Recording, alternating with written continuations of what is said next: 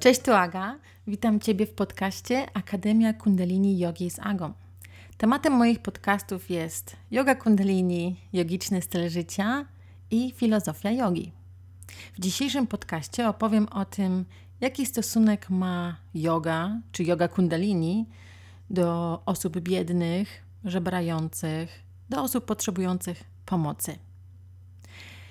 Zostałam zainspirowana tym tematem dzięki jednej z moich uczestniczek czy joginek, które praktykują razem ze mną właśnie jogę kundalini i dziękuję Tobie Iwono za to pytanie, dlatego że przypomniałaś mi o tym temacie i o tym, o czym często sama myślę, kiedy widzę właśnie takie osoby potrzebujące pomocy, Sama mieszkam w mieście, w Kopenhadze i w, takim, w takiej dzielnicy, gdzie takie osoby dosyć często są widoczne i gdzie spotykam się też z różnymi um, osobami, innymi osobami, które jakby z reakcjami osób na właśnie na takie osoby żebrające.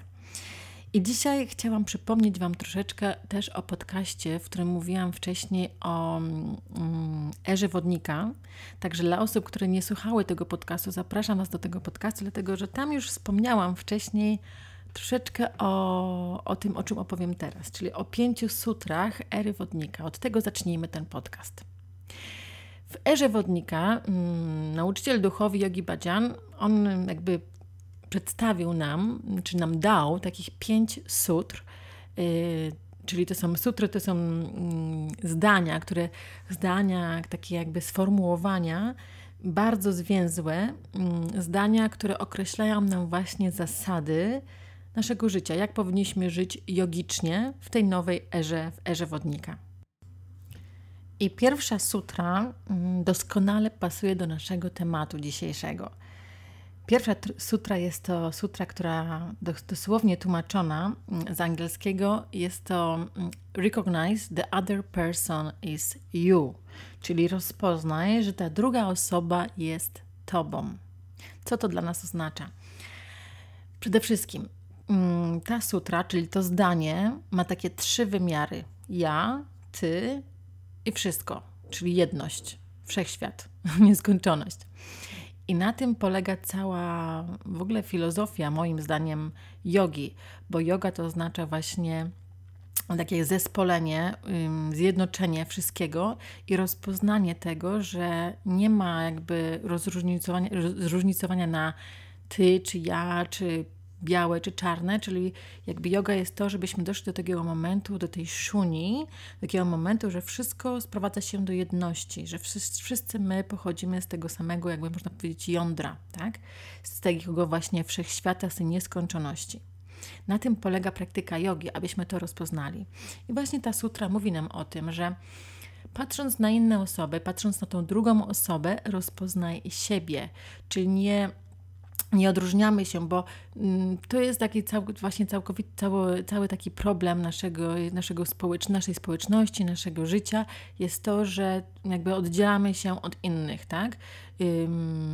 Czujemy się inni. A tak naprawdę właśnie na tym polega jogiczny styl życia, aby poczuć, że wszyscy jesteśmy tym samym. I teraz na czym to polega dosłownie?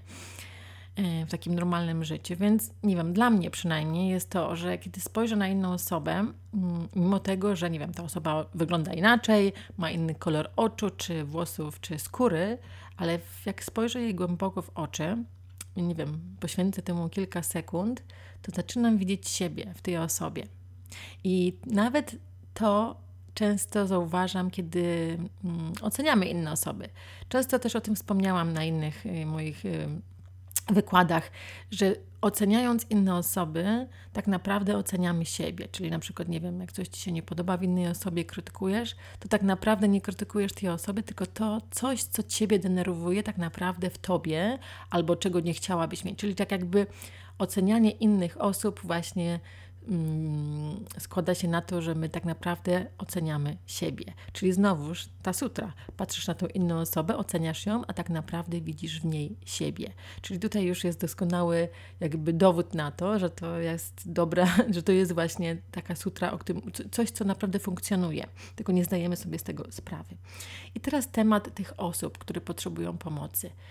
Kiedy widzimy takie osoby, tak, ja mieszkam w Danii, w Kopenhadze, w takiej dzielnicy, gdzie jest bardzo dużo osób właśnie takich potrzebujących. I są to często osoby bezdomne, albo można by nawet powiedzieć, czy, może nawet nie tyle bezdomne, ale to są osoby uzależnione, tak? Uzależnione czy od alkoholu, ale nawet bardziej od narkotyków. Czyli widzi się takie osoby.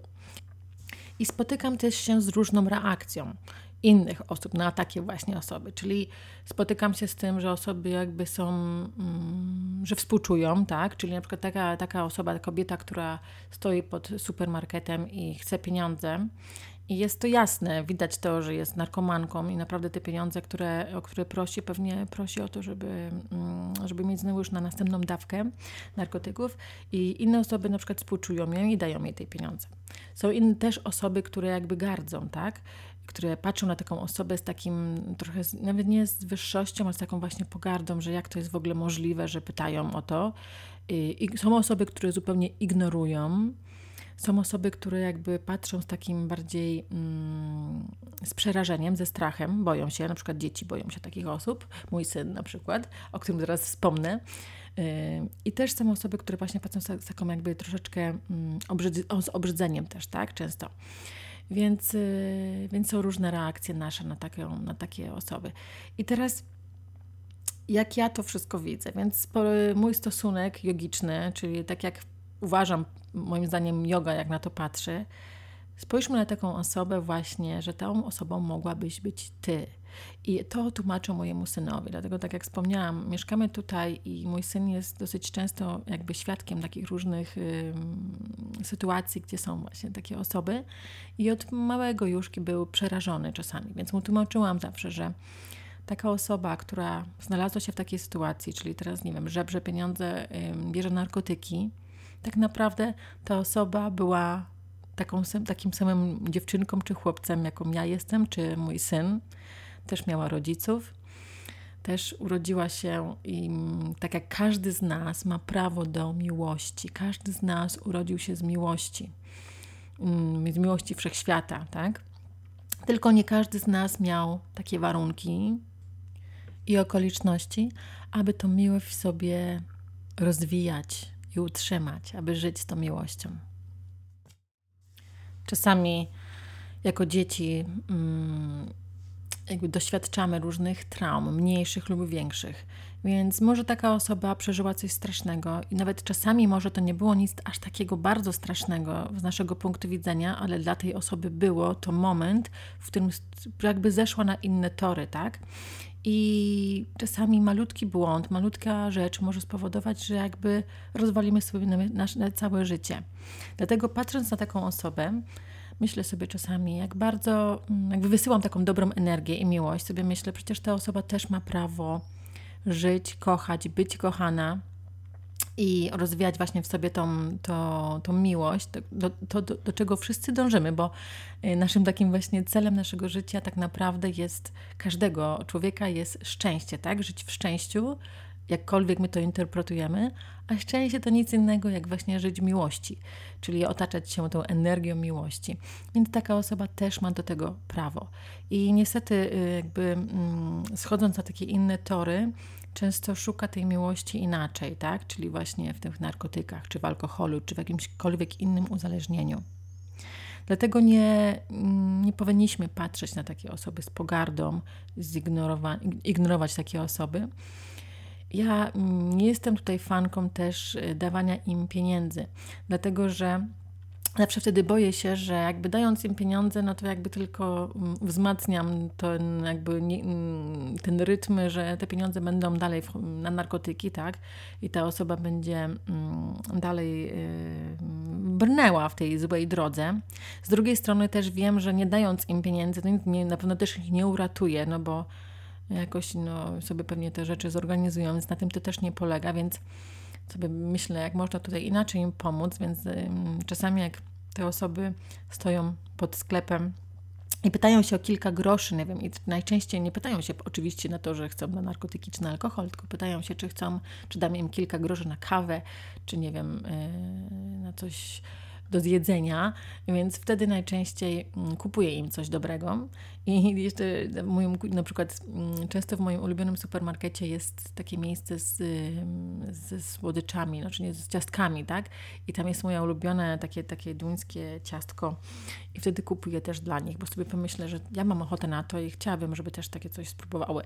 Albo na przykład taka była też sytuacja, kiedy stała, stał mężczyzna, który też prosił o kilka groszy na kawę, a przed naszym supermarketem jest moja ulubiona kawiarnia, więc poszłam do tej kawiarni i kupiłam mu kawę i przyniosłam mu tą kawę.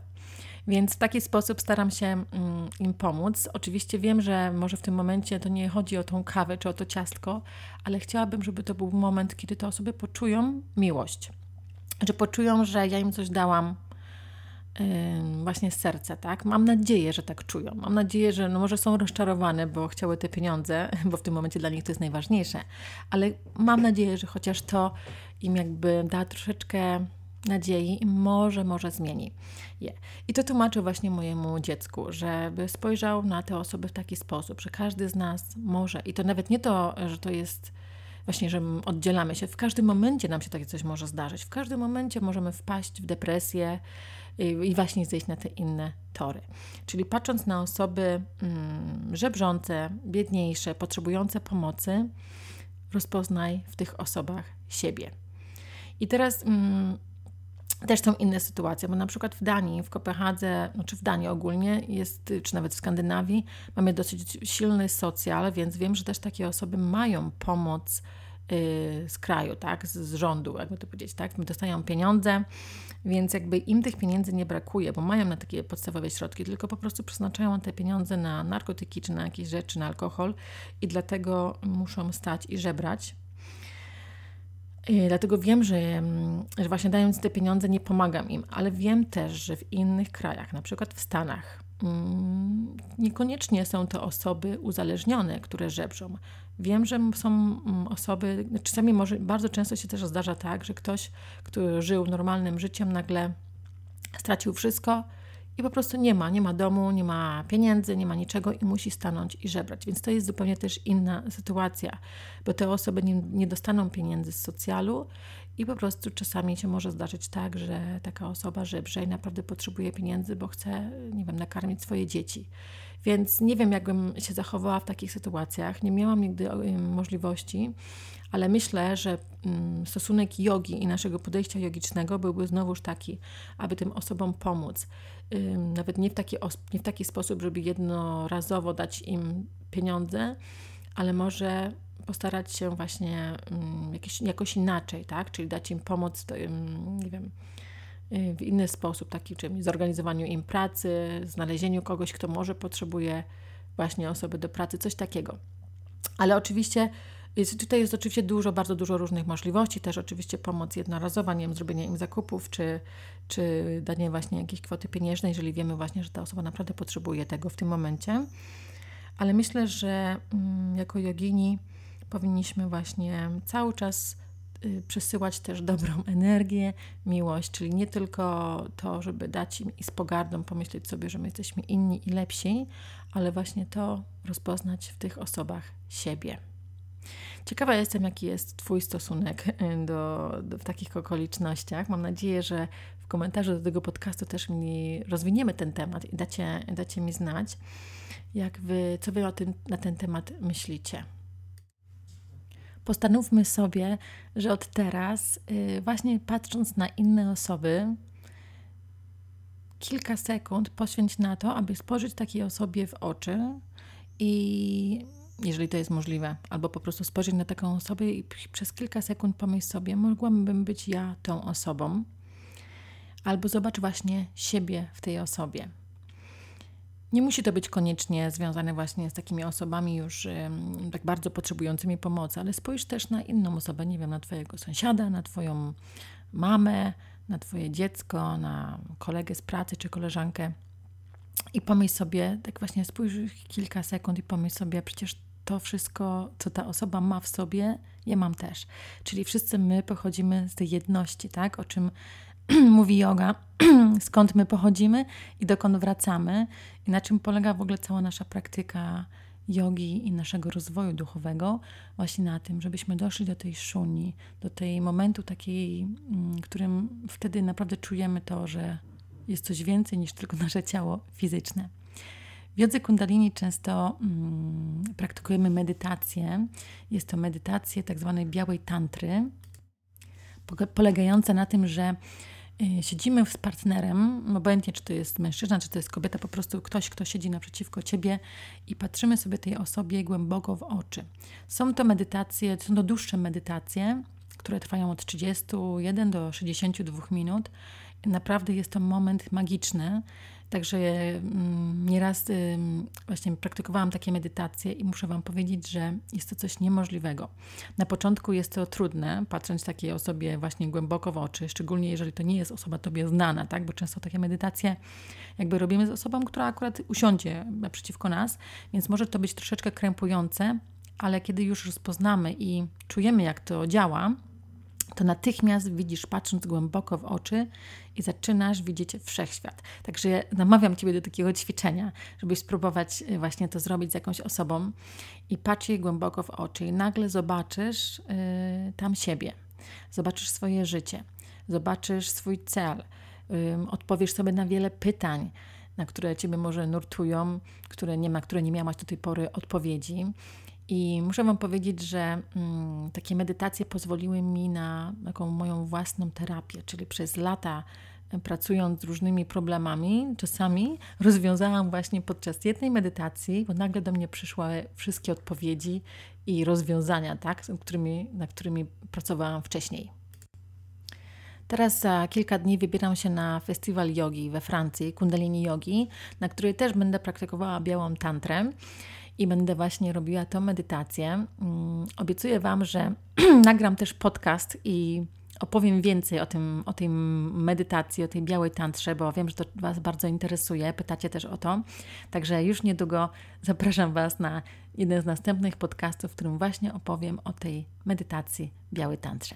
Dziękuję Wam za dzisiejsze spotkanie. Dajcie znać, jak Wam się podobało i czy. Mm, Jakie jest Wasze zdanie na temat właśnie podejścia do takich osób, o których mówiłyśmy wcześniej? Osób biedniejszych, potrzebujących, uzależnionych. Jak Ty na nie patrzysz? Dziękuję. Satnam. Satnarayan